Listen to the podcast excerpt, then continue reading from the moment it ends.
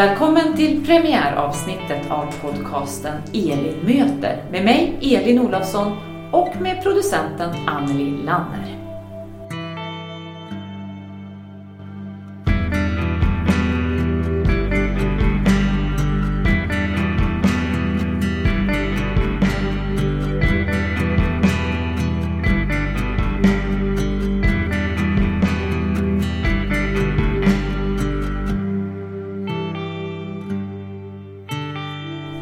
Äntligen här. Podden är igång. Podcasten Elin möter. Hur känns det då? Får jag ställa den sportjournalistfrågan? Jo men det känns jätteroligt faktiskt och spännande.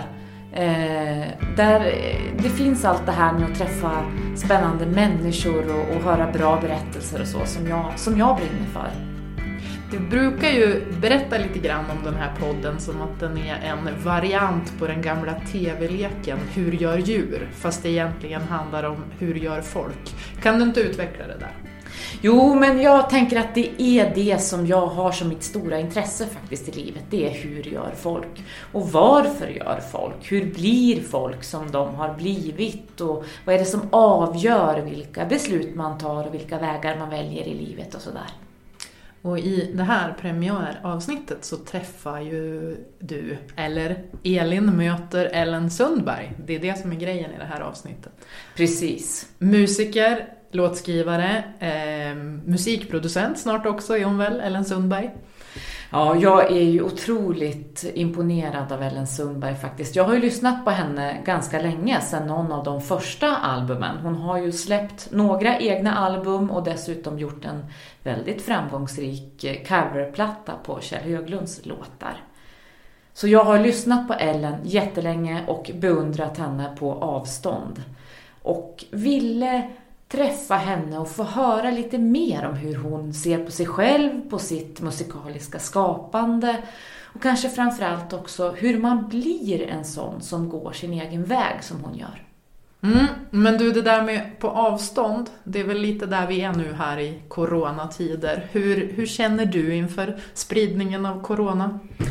Jag har ju såklart som alla andra följt nyhetsrapporteringen och eh, lyder ju de råd och de eh, regler som, som vi får till oss. Eh, och jag har ju nästan alltid, även annars, en lite latent basilskräck. Eh, så att jag är ju året om en stor handtvättare bland annat. Men det ska vi ju såklart fortsätta med att försöka minska smittspridningen nu då. Så så tänker jag på Corona just nu. Hur mm. tänker du? Ja, men du kom inspringandes här med en hand i luften för där har du tagit till något riktigt läskigt. Jag hade tänkt att ha handskar på mig hela dagen och så sen så blev det så att jag skulle stanna i Tulleråsen och tanka och då behövde jag trycka koden och så kom jag inte på förrän i efterhand att men nu har jag tryckt här på, på knappar till mitt eh, bankkort som en massa andra personer förstås har tryckt på också idag. Men nu har du tvättat händerna? Två gånger om. Ja, Nej, men jag tvättar också händerna mycket eh, och jag är väl inte särskilt orolig själv men däremot de här människorna i riskgrupper som finns runt om oss det känns ju som att där får vi alla skärpa oss så att de klarar det här. Ja, det gäller väl att vara, vara försiktig och vara varsam om de som, som vi har runt omkring oss helt enkelt. Och så tänker jag också att om man ska vara i karantän då är det väl utmärkt att lyssna på en podd som Elin möter. Absolut. Du är ju författare, Elin Olofsson, och i dagarna så kommer din senaste bok Herravälde i pocket. Vad betyder det? Jo, men det är roligt att se boken i pocketformatet för att pocketböckerna når ju en lite annan publik än de som har kanske köpt den inbundna boken. Eh, pocketen säljs ju på lite andra ställen, på tågstationer och, och på, i små eh, jourbutiker och sånt där. Så att man konkurrerar ju å ena sidan med, med veckotidningar och, och choklad och sånt. Men å andra sidan så kan man nå folk som kanske är på väg någonstans och som bara lite sådär spontant söker läsning eller så som kanske inte skulle ha köpt boken i bokhandeln. Så att det är alltid roligt med pocket tycker jag. Har du märkt den där skillnaden när dina tidigare böcker har kommit i pocket? Ja, men lite. Just det där att folk hör av sig och säger att jag hade aldrig hört talas om dig innan eller den här boken, men så såg jag den på, på eh, bensinmacken eller på, på tågstationen eller sådär och ville ge den en chans. Och, och har tyckt om böckerna sådär. Så att ja, nej men jag tycker att det är ett bra sätt att, att nå lite annan läsekrets. Och hur går det med nästa bok då? Ja, det är väl en samvetsfråga. Alltså jag är ju väldigt mycket inne just nu på det här med att planera alla scener som ska med i nästa bok. Lägga till och, och ta bort. Och ändra ordningen på vissa händelser och se vad får man om man låter dem göra saker i den här ordningen istället. Händer det något annat då i berättelsen? Men sen så är jag också, och det är ju lite sådär så att jag får påminna mig själv, men jag är lite grann i den där fasen som jag tenderar att vara eh, när jag skriver böcker. Att jag går runt och pratar för mig själv. Och att jag spelar upp scenerna mer och mer. Jag pratar med huvudpersonens röst till exempel när jag kör bil och är ensam och ibland tror jag även att jag gör det det är det som är lite genant när jag är ute och går eller ute och springer och sådär. Att jag gestikulerar och lägger mig till med olika gester och sånt som jag tänker att kanske framförallt huvudpersonen kommer att ha i boken. Den som följer dig i sociala medier vet ju att du har haft lite hjälp med den där scenplaneringen i, i, i vinter av eh, en eh, figur som du bor med, Kulturhunden. Ja, Kulturhunden finns ju eh, i mitt liv då och då. Det är ju min brors och hans frus hund egentligen, men han är ju mycket hos mig, hunden. Och han, det som är lite vanskligt med att göra sån här scenplanering på papperskort som jag har gjort den här gången, Eh, små såna här som är kanske fem gånger tre centimeter eller någonting sånt där det är ju att eh, ja, men de kan ju flyga omkring lite hur som helst. Även om man har tänkt sig en viss ordning på alla scener i nästa bok så, så kan det ju ändras. Och det kan ju särskilt ändras med en överentusiastisk hund som dessutom har lite kärleksbekymmer på byn. Så han är väldigt yvig just nu så att han rev hela den planeringen som jag hade lagt fram på bordet. Men jag tror jag kommer att hitta tillbaka till ordningen igen. Kommer han få vara medförfattare? Alltså för en gångs skull kan det åtminstone bli så att det finns en hund i nästa bok. Så att jag tror ju att den hunden kan vara inspirerad av kulturhunden. Så mycket kan jag säga. När, eh, jag som alltid vill ha deadlines och sånt där, när får vi läsa din nya bok? Ja, inte i år. Så mycket kan jag säga. Nej återkommer till den frågan senare. Men nu till ditt första möte. Nu lät jag som Skavlan. Men nå! Eh, du har ju mött Ellen Sundberg. Ja, jag har ju mött Ellen Sundberg och hon är ju den som har specialskrivit intromusiken till podden. Det började ju med att jag frågade Ellen om hon kunde Eh, tänka sig skriva musiken och så gjorde hon det. Eh, och så blev det jättebra och sen så, så kände jag också att jag vill gärna prata mer med Ellen och höra hur hon ser på tillvaron just nu och också lite grann eftersom jag visste då att hon jobbar med, med ett nytt album. Eh, om hon kunde säga någonting om hur nästa album kommer att låta. Så att jag träffade Ellen på Vedemarks i Östersund.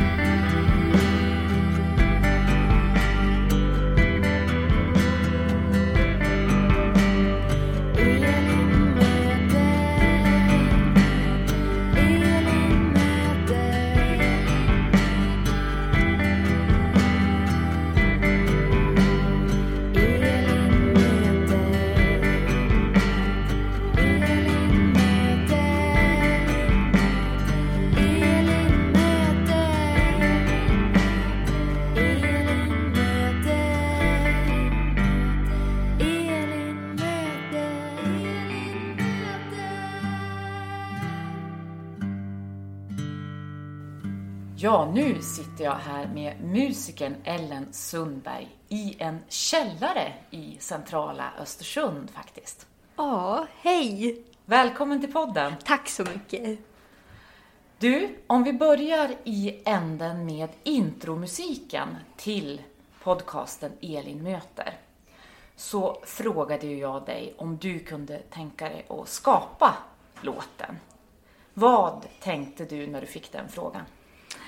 Först vart jag lite, oj, men vad, vad, vad ska man... Jag vart lite, inte rädd, men lite så här, vad, ja, jag har inte... Jag har ju i princip bara gjort eh, musik till mig, till mig själv och mycket för mig själv också. Så jag var, jag var väldigt smickrad, men också så tänkte jag att det är lite svårt kanske att göra... För det är så svårt med, för jag lyssnar mycket på poddar själv och så också. Det är ju väldigt... Det är liksom... Det är svårt att tänka vad som passar till en podd och så har man inte hört liksom hur den är och sådär. Men sen tänkte jag också på alla poddar jag lyssnar på att det är väldigt olika musik till dem. Och tänkte att då kanske inte, då är det liksom inte, det finns ett ganska liksom brett ja, en bred liksom, det, det, finns mycket man kan göra. Så då tog jag en, en gammal låtidé som jag hade, som jag tyckte om, som jag inte gjort någonting med. Och så satt jag och testade lite med den. Och sen så eh, blev det den här introlåten. Hur skulle du beskriva introlåten då? Alltså, jag, jag, eh, jag är sämst på att beskriva eh, musik och hur saker och ting låter och framförallt mina grejer och så. Men jag tycker att den, jag tycker att den är väldigt spännande. Jag tycker att den är inbjudande och varm och, och låter lite spännande och jag är väldigt, väldigt nöjd med den. Vad härligt att höra. Ja. Hur blev du egentligen musiker från början? Ja, jag, jag, började, jag har alltid lyssnat mycket på musik och det har varit mycket musik hemma hos sådär. In, inte att någon har spelat, men liksom jag lyssnar mycket på, på musik. Mycket Bob Dylan och mycket sån här Neil Young och mycket sådana grejer. Och sen så var det när jag gick i fyran, i fjärde klass i Fåker, så eh, var det en lärare som erbjöd sig att ha gitarrlektioner för de som ville på rasterna. Och då tänkte att det kanske, är, kanske kan vara kul. Så då började jag spela lite gitarr och sen så fortsatte det från det. Och så liksom jag, hade, jag lyssnade ju så himla mycket på, på musik där, där liksom låtskrivandet är väldigt viktigt och hur när man skriver text och allt sånt där. Och så bara, det, det kändes ganska fort att jag liksom ville prova den grejen. Men sen tänkte jag aldrig, hade, så jag, såg, jag såg aldrig framför mig att jag skulle bli musiker så heller, även fast jag liksom, det fanns någon slags tanke i det jag satt och gjorde. Men att jag, jag tänkte aldrig att jag skulle bli någonting inom det. Och det tog ganska lång tid innan jag tänkte att, eller liksom innan jag förstod att jag faktiskt, att det var det som höll på att hända också. Även när jag hade börjat skriva mycket låtar och hade fått spelningar och sånt så var det ändå svårt. Eller som, jag tog som inte in att, för jag tänkte fortfarande att jag, jag, ska ju inte, jag ska ju göra någonting annat. Det här är ju som bara något som har blivit på sidan av. Jag tror mycket är för att jag inte har, det är ingen hemma som har spelat eller någonting så det har som aldrig, det har som inte, det har som inte varit något självklart alls. Men ändå så vart det så självklart för att det bara kom till mig på något vis. Och sen har det som bara växt fram utifrån det på något vis. Hade du några andra sådana jobbdrömmar då? Tänkte du att du skulle bli något helt annat när du blev stor? Jo, men alltså jag, jag tänkte, jag funderar fortfarande på vad jag tänker ibland, vad ska jag bli när jag blir stor? Men jag var mycket så jag tänkte att jag skulle bli fotograf ett tag och jag tänkte, jag vill bli lastbilschaufför ett tag när jag var yngre. Jag tänkte, alltid tyckt om att åka bil. Och tänkte så här, hon har en egen bil, lyssna på radio, stanna och fika. Och jag tänkte så här, mycket, eller köra postbil. Mycket sånt funderar jag på sådär. Men eh, ah, jag har väl aldrig liksom kommit på något eh, liksom, sånt där drömyrke eller så. Men sen har ju musiken liksom, det har ju blivit det ju mer jag håller på. Du har ju redan flera album i bagaget och du är ju en framgångsrik musiker. Och man ser ju, om man tittar tillbaka på intervjuer som har gjorts med dig och artiklar som har skrivits om dig och sådär, så har du ju redan i princip från första början så har du beskrivits som den här otroliga talangen, begåvningen. Och samtidigt som man gärna har berättat också om det här att du parallellt jobbade på ICA och under tiden som du skrev låtar och spelade in musik och sådär också. Eh, hur ser du på hur artisten Ellen Sundberg har beskrivits? Men jag tycker att det, det är ingenting som är fel i hur, hur, hur de har... Eller jag, jag har varit väldigt glad för alltså så himla mycket fina och liksom uppmuntrande ord om mig sen liksom början. Och det har varit alltså, jätteroligt. När man, när man börjar och framförallt när jag inte liksom har haft någon, någonting att förhålla mig till innan i hur, hur man låter eller liksom sådär, när man inte vet om man liksom är bra eller så. För det är ändå lite, man kanske tycker det själv, att man måste ändå få det bekräftat från andra för att kanske förstå att det finns någonting i det.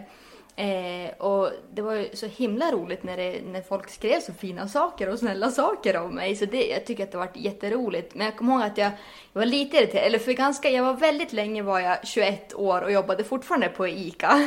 för det var där jag jobbade förut. Men det stod också alltid lanthandel så det lät så himla romantiskt allting. Hon jobbar på en liten lanthandel och hon är 21 år och så var jag 21 år ganska många år i liksom, så sånt var lite irriterande. Men det är ju liksom inga, inga stora grejer som är liksom utan det mesta, jag är jätteglad över liksom hur folk har tagit emot min musik.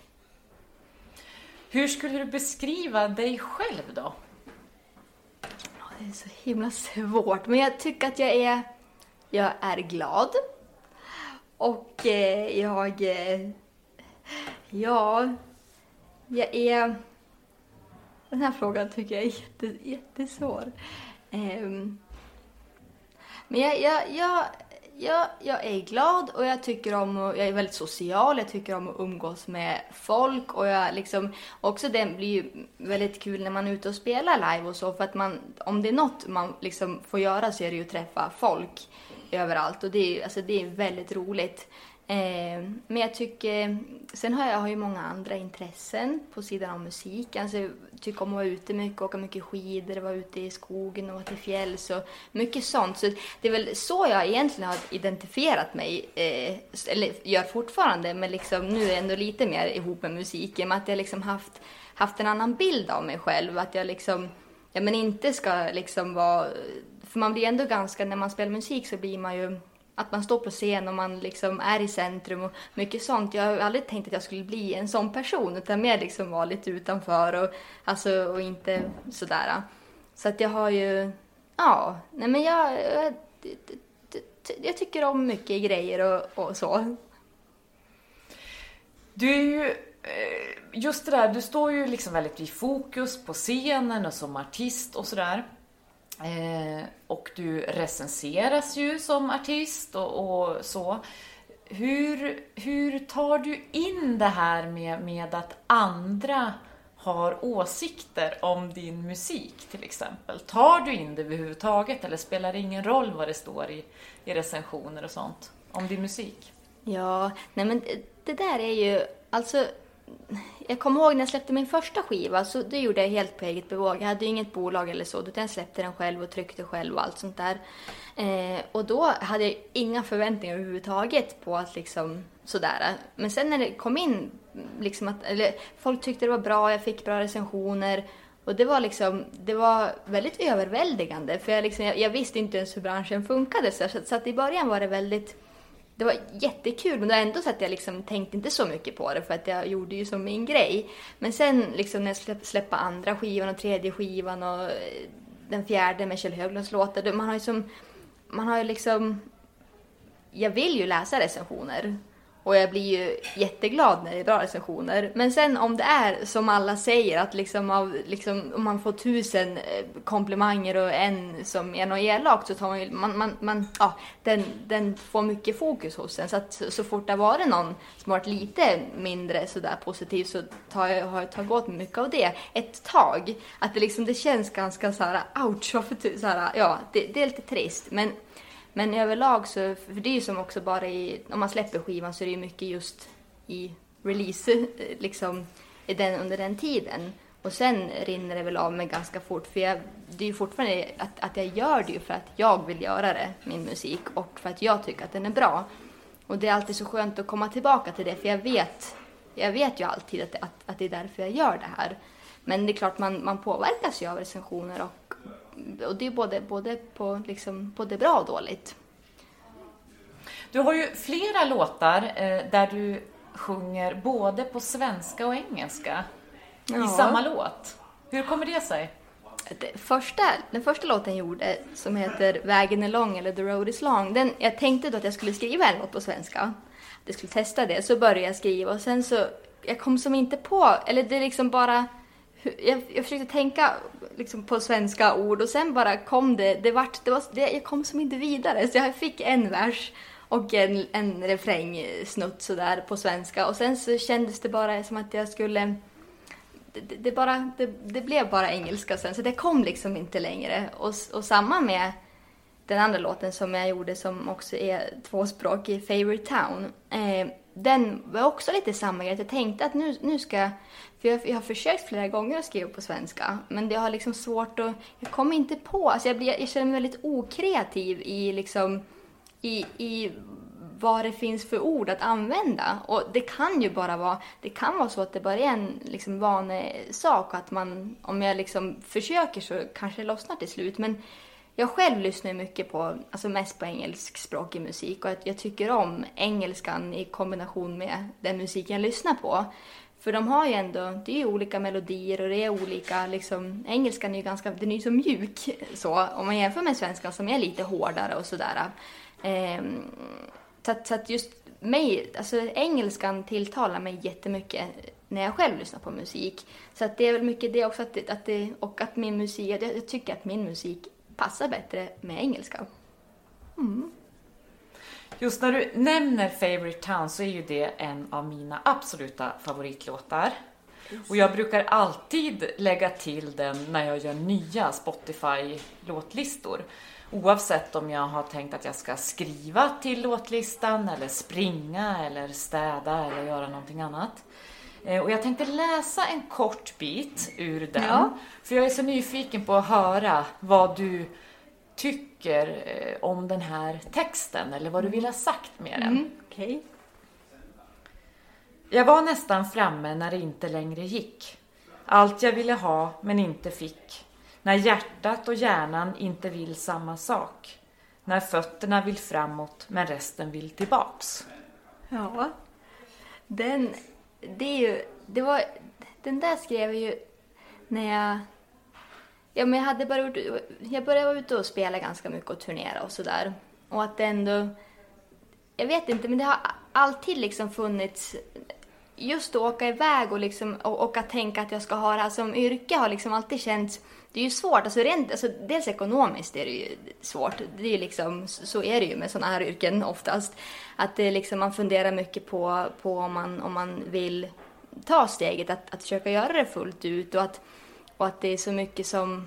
Jag funderar så himla mycket över om man, om man har valt rätt sak och också mycket i allt det här att man, när man har folk omkring sig vilket är väldigt härligt att inte vara helt själv i någonting. Men när man, man har ett band och man har, man har bolag och man har folk som tycker mycket saker. Eh, att man ibland också tappar bort sig själv i vad man, även fast det är ingen som gör någonting som inte jag vill. Att det, jag har inte så blivit tvingad till att typ så här, men byt stil och klipp håret, färga håret. Det har aldrig varit något sånt. Så det har varit jättebra. Men just att man ändå ibland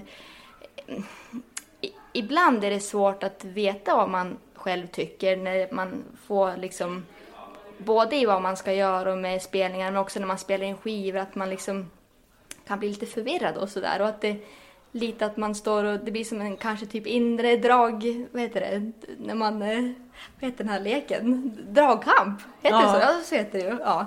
Att man liksom, ja, att det är bara, man är lite förvirrad, det är väl det helt enkelt. Och svårt att liksom veta precis vad man vill och att det känns på ett sätt och så gör man på ett annat sätt och ja, lite så.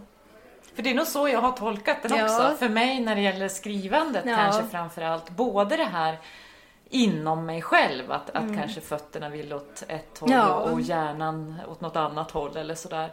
Och också det här som du säger att andra kanske har åsikter om eh, åt vilket håll man borde gå i alla fall eller borde bli nästa mm. gång eller borde vara sådär. Och vilket oftast är inte, det, det, oftast är det inte för att någon vill liksom bestämma eller liksom trycka ner en på, sätt, på något sätt utan det är ju oftast bara för att de är engagerade i det man håller på med och liksom bryr sig och känner någonting för det.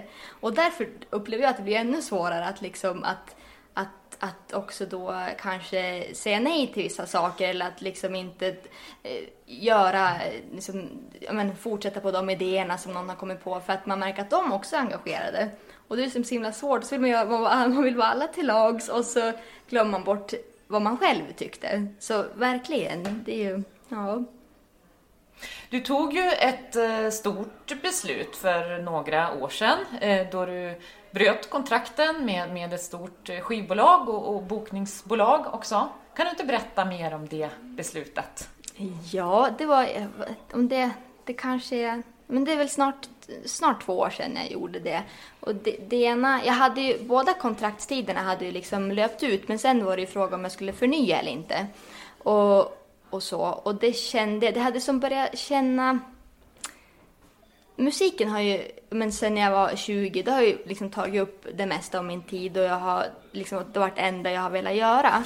Och det har varit så himla roligt. Och sen liksom, det har varit mycket, ja, man har ju slitit mycket också, varit ute och spelat mycket och väldigt liksom, liksom låga gager och liten inkomst och mycket att man har man har kämpat ganska mycket och ett tag när man liksom är ganska ny i det så är det ju bara kul att åka ut och man liksom bo på hotell, göra den grejen, spela, träffa folk, alltså allt det där och köra bil och allt vad man gör. Men när man har gjort det i några år och det fortfarande liksom kanske det känns som att det inte har hänt så mycket på olika fronter så man, man orkar ju inte hur mycket som helst på den nivån och sen började jag känna bara att det kändes det var inte så kul längre. Och det var ju lite läskigt att känna det för att det har ju som varit det som har varit, det har ju varit det roligaste jag vet. Att vara ute och spela och allt sånt där.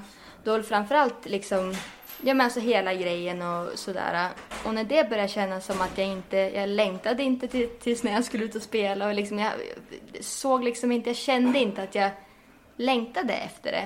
Och det var ju, det var ganska jobbigt och jag kände att jag måste ju, jag måste ju göra någonting åt det här och, och, se ifall det, är, ifall det verkligen är så att jag inte vill mer liksom på någonting eller ifall det är någonting annat som är fel. Så då eh, bestämde jag mig för att göra så och liksom säga upp med alla och börja om lite från början och liksom vara själv igen och se hur jag ska och liksom, ja men prova mig fram och försöka som, men verkligen börja om från början fast, fast på en annan nivå för jag har mycket mer kontakter och jag har lärt mig så himla mycket de här åren och allt sådär. Så att det, det var liksom nödvändigt och det har ingenting heller att göra men det är ingen som, jag är inte osams med någon, det är ingenting sånt utan det är bara att jag känner att jag måste, ja men för, egentligen bara få tillbaka kontrollen över allting och känna att det är liksom varför jag gör det här, att det ska vara, det ska vara helt på mitt sätt. Så ja, så var det. Tvekade du inför det beslutet då? Men så jag, jag hade funderat ganska länge innan jag for ner. Och, för jag åkte ner till Stockholm och hade möte i alla fall med det bolaget jag har varit längst med. Det andra skedde mest på mail och sådär. Men, men, eh, jag hade funderat ganska länge fram och tillbaka och pratat med, pratat med pappa lite, pratat med mamma och pratat med min pojkvän. Alltså bara diskutera med folk och bara, eh, ja, så man får också höra sina tankar liksom när man säger dem för att det kan, och prata mycket och fundera. Så att jag hade ju jag hade ju funderat igenom det och eh, så blev det. Hur togs det emot då, det beskedet? Så himla, det är svårt att, svårt att, för att, men det var, jag tror kanske lite båda att lite kanske besvikelse över att jag, för också här just släppt Kjell Höglund-skivan som hade, det gick, det ganska, den liksom, det gick ganska bra för det var väldigt många som tyckte om den och den, ja, så var den på svenska också vilket tilltalar många svenskar mycket att det är på liksom det svenska språket såklart. Och att det liksom började, det började gå ganska bra med den och att jag just i den vevan då kände att jag inte ville göra den grejen mer. Det tror jag lite att det liksom var klart en liten besvikelse för bolaget att, så här, att man inte vill, ja, när det liksom finns en liten sån här chans att det kanske börjar gå lite bättre. Och då, och då gör jag det även för dem i så fall såklart. Och att, liksom, ja, men dels det och sen att vi har jobbat ihop i flera år och att det är ja, men lite trist men liksom ändå det har ju som inte varit något jag fick ju, det, det var inte att jag var, jag var inte, jag behövde inte vara kvar liksom att jag hade skrivit på något kontrakt eller så, att det var sådana grejer men, men lite, lite besvikelse kanske men inga, jag har inte bråkat med någon. Men har du alltid varit en sån som går din egen väg? Så både, både jag, eller på ett sätt känner jag mig som liksom sån som gör allt vad alla andra säger. Men sen när jag tänker tillbaks på vad jag har gjort och liksom vad jag gör, då märker jag att jag, jag är ju... Jag gör ju det jag vill göra. Och jag ser ju till att ändra på saker när det inte känns bra. Eh, så att jag, jag är nog ändå, och jag blir väl mer och mer så också, eh, att jag blir bättre på att veta vad jag vill göra och då försöker jag göra det. Hur blir man en sån som går sin egen väg då? Jag vet inte, men det är väl... Ja, man är ju olika. Men jag tror att man måste, man, alltså man, man måste ju någonstans känna sig säker i sig själv. Och, och att man tycker om det man gör själv. Det är ju jätteviktigt tror jag, för att liksom kunna ja, men, känna att, att man är bra på någonting och någonting som man själv verkligen tycker om. Eh, och man vet att det här är bra, för jag tycker att det här är bra. Så att för mig kommer det alltid vara bra. Och känna liksom, ja men att man är, har en bra självkänsla och är självsäker. Och det är ju svårt att säga också hur man ska bli det om man inte är det. Men man är ju som man är. Och sen lite också tror jag med uppfostran och allting. hur, man har, hur jag har vuxit upp och så att man liksom, jag har ju alltid, jag har alltid känt mig jag tror att mycket av det kommer från, från ens föräldrar också. Att, att man blir behandlad så att man känner att man, man är... Ja, att man ska liksom vara stark i sig själv och liksom och, ja, tycka om sig själv. Och våga, våga göra det man vill. Och det är då man blir så modig som du Ja, men kanske. Om jag nu är det. Men ja, ibland är jag det, absolut. Du, jag vet ju att du håller på med ett nytt album. Vad kan du berätta om det? Ja, nu när jag har sagt upp med bolag och sånt, då, då har jag känt att, för jag har alltid hållit på att spela in mycket demos själv hemma och sådär. Men jag har, haft, jag har liksom haft en tanke ganska länge att jag skulle vilja göra en skiva på egen hand. Eh, för det är ju bara då det kan bli precis som jag, jag, precis som jag vill. När det liksom, om det bara är jag som, som sitter och spelar in så finns det ju ingen annan som kan, som kan eh, påverka det så mycket. Eh, och ehm, den, eh, så nu sitter jag hemma i min lilla stuga och eh, spelar in. Och det är lite, för det, det kom, man kommer ju höra att det, är, att det är lite hemmagjort, det tror jag. och eh, att det är någon som kanske inte är en jätte, liksom, tekniskt bra musiker, för det är jag inte. Utan jag är, jag är ganska självlärd på mycket grejer och liksom gör det som jag tycker låter bra. Och så provar jag olika instrument och sånt som jag inte alls kan spela, men liksom bara för att få liksom, känslan av olika instrument i. Och, mycket enkla grejer och sådär. Att jag, liksom, jag spelar ju som inget avancerat men det, får, det blir ju liksom en karaktär av att spela instrument som man inte egentligen kan. Eh, så att det kommer ju, det kommer nog påminna lite om den här intro, intromusiken till den här podden för jag, det är liksom, jag sitter ju själv där och grejer och det kommer nog vara lite, lite, den, lite den feelingen tror jag. Kommer vi att känna igen Ellen Sundberg då? Jag, jag tror verkligen det. Jag hoppas det.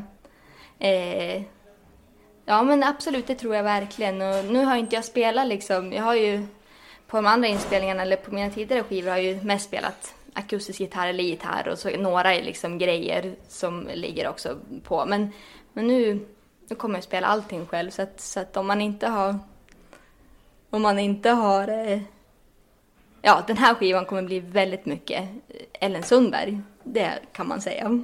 När ska den vara färdig då? När får vi höra något? Ja, det är alltid det där med... Men nu, nu, när jag är själv, då tror jag att det kommer gå lite fortare för då är det inte så många som ska för det är också mycket med att man ska, om man är på bolag, ska man ju släppa, man kan ju inte släppa samtidigt som, som andra släpper. Man ska försöka hitta liksom tillfällen där det är lite mer luftigt i skivsläpp och man ska, det ska passa med massa saker och nu kan jag ju bestämma lite själv. Men den ska ju bli klar först. Så, så fort den är klar tänker jag att det kan gå ganska fort och jag hoppas, jag, jag vågar inte lova något, men i år vill jag att den ska komma ut och det, det ska jag se till att den gör.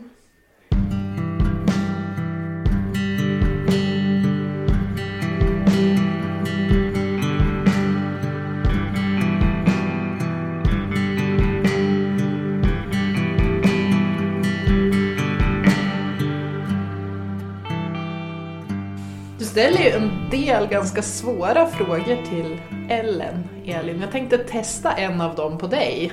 se vad du svarar. Nu ser du lite skeptisk ut. Får man göra så här? Hur beskriver du dig själv? Um, jag beskriver mig nog som ganska eh, enkel att ha att göra med tror jag. Uh, och hyfsat trevlig. Till en viss punkt. Okej. Och sen eh, tar kanske min vilja över. Man kan inte så lätt eh, övertyga mig om att göra något som jag inte vill. Så att jag är ganska tjurskallig också någonstans där eh, innerst inne. Trevlig men tjurskallig. Ungefär så. Ja, men det är bra. Eh, det var en bra beskrivning. Den skriver jag under på. Du, har ju tänkt att ha några stående inslag också i, i podden. Eh, ett av dem är moffa. Moffa, ja. Mm, vad moffar du just nu? Alltså jag har ju tolkat det väldigt bokstavligt och jag moffar verkligen den här grejen. Därför att det är ju godisblandningen gott och blandat supersur. Aha, nu är vi tillbaka i din fäbless för sura godisar. Jag älskar sura godisar. Och just den här blandningen, det måste vara någon briljant människa, eller en grupp av människor som ligger bakom den. För allting är ju då bokstavligen supersurt och det är så surt så att du vet, gommen blir alldeles upplöst och liksom lite riven av den, men på ett underbart sätt. Ja, det var ju ett, ett väldigt bokstavligt moffatips. Mitt handlar mer om öronen och jag stoppar inte godis i öronen, men under arbetet med den här podden så har ju du kontinuerligt under ganska många månader nu, kanske över ett år, tipsat mig om olika poddar som jag måste lyssna på. Men den som jag verkligen moffar, som jag är lätt besatt av, det är ju eh, en BBC-podd. Eh, så att, att jag lyssnar på den här, det gör ju också att det förbättrar min engelska, det håller den levande. Du hör att det finns jättemånga ursäkter för att jag måste lyssna på den här. Men det är ju Ellis James och John Robbins på BBC 5 Live. Den är helt otrolig. Du håller ju bara med. Jag håller ju bara med, jag älskar ju också den podden. Och vad är, jag har, brukar fundera på vad det är som gör att jag kan lyssna på de här eh, medelålders männen när de gör olika saker. Och det, de, de verkligen... Det känns ju som att det är två av ens nära vänner man lyssnar på. De har verkligen fått en att lära känna dem. Ja, dels tror jag att det är det att de är väldigt personliga och, man lär verkligen känna dem som, som människor. Sen så tror jag att det ligger lite i det här att de också på riktigt är nära vänner. Och att man får följa deras vänskap på något sätt också i podden. De har goda och dåliga sidor båda två och de känner till varandras sidor. Men, men gör det eh, på ett kul sätt på något sätt. Ja, och sist igår till exempel, då lyssnade jag på ett helt avsnitt av den här podden när de spelar brädspel. Och hade du sagt det till mig för ett halvår sedan, att du kommer lyssna på 45 minuter när några spelar brädspel, då hade jag sagt att du är knäpp i huvudet. Men det är du alltså inte. Du, utöver då Ellis och John som vi lyssnar på, eh, vilka andra berättelser har du engagerat dig i på senare tid? Men eh, jag har varit på bio. Det var väldigt få i den där biosalongen, det var ingen som hostade så jag kunde eh, ta del av filmen som jag såg med min bror som var The Gentleman. Eh, Guy Ritchies återkomst till bioduken. Eh, vilket, som jag uppskattade väldigt mycket. Bland annat eftersom berättelsens ramberättelse är just en berättelse. Eh, det behöver inte vara sant, det kan vara åt ena hållet och det kan vara åt andra hållet. Dessutom har jag under väldigt stor del eh, av mitt liv uppskattat Hugh Grant. Jag har en brevkompis i England. När vi var tonåringar så avslutade vi breven med “Have you seen anything new with you?”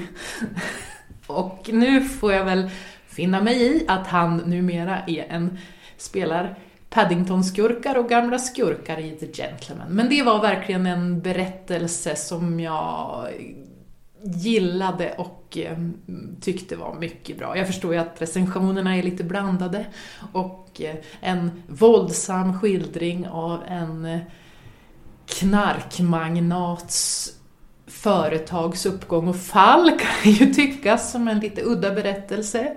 Men jag gillar den. Du då? Ja, men jag har ju ett omättligt begär av berättelser om bedragare. Så att jag har ju på senare tid fördjupat mig i en serie som finns på BBC också, eh, som heter Fake Heiress. Och det är ju en sann historia då om Anna Delby, eller Anna Sorokin som hon också heter. Eh, som handlar om en tjej som, eh, hon växer först upp i Ryssland. Hon flyttar till Tyskland som tonåring med sin familj. Och så lyckas hon bli praktikant på ett modemagasin. Och via det här eh, uppdraget eller eh, platsen där som praktikant så lyckas hon ta sig till New York 2013. Och när hon anländer i New York då har hon eh, fejkat sin livshistoria och utger sig för att vara arvtagerska till en stor tysk förmögenhet. Och allt det här är ju då på låtsas bara. Men hon med den här fejkade historien om den här förmögenheten som hon ska ärva så lyckas hon få då bland annat stormrika amerikanska investerare att investera i ett slags galleri, kultur, restaurang, klubbprojekt som hon eh, säger att hon ska genomföra då på en exklusiv adress i New York.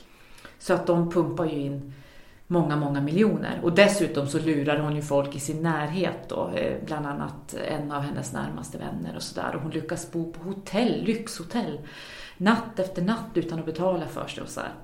Det här uppdagades till slut och hon dömdes ju till, till ett eh, fängelsestraff i fjol så att hon sitter ju i fängelse just nu. Men den här BBC-serien då, eh, Fake Heiress, Eh, är ju dels eh, intressant för att det är den här historien som är en otrolig historia. Eh, men också för att de blandar journalistiskt berättande, alltså intervjuer och fakta, med dramatiserat berättande kan man säga. Att de spelar upp små scener som man tänker sig ungefär att de borde ha gått till då i, i hennes liv. Eh, och den är som sagt en jätteengagerande, eh, spännande historia eh, som också vi kommer att få höra mer från därför att både Netflix och HBO håller på att utveckla olika eh, tv-serier av den här berättelsen, grundberättelsen. Så den berättelsen har jag engagerat mig i. Brittiska berättelser kör vi på här. Har du något svenskt att komma med också? jag har faktiskt det. Jag har något så ovanligt som, som en svensk eh, satir och humorroman att tipsa om. Det är väl inte varje dag man har det. Eh, den genren är ju inte jätte välutvecklad eller jättevanlig i Sverige. Men det är Bobby Love av Marina Nilsson. Eh, och Bobby Love, den handlar om, det är Sverige idag, eh, men där robottekniken har kommit lite, lite längre. Och man har utvecklat då i romanen en eh, sexrobot som kan tillfredsställa kvinnors alla behov egentligen och lustar. och det är roboten då som heter Bobby Love.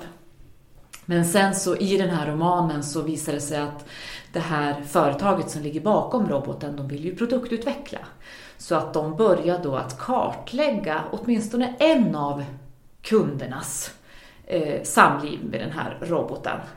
Och eh, försöker då sen utnyttja det de har lärt sig av, av hennes tid med Bobby Eh, till att uppfinna en ny robot. Men det går förstås fel allting. Det som är, är kul, utöver att den är väldigt aktuell den här romanen med just den här robottekniken och vad vi ska ha den till, så är den ju eh, det är satir, det är liksom kärlekssatir, sexsatir, samhällssatir på något sätt. Det är väldigt mycket mera satir än sex ska jag säga, men det, det är roligt den är rolig och frispråkig och, och hyperaktuell på något sätt. I nästa avsnitt av podcasten Elin möter, då har du redan mött ännu en spännande person.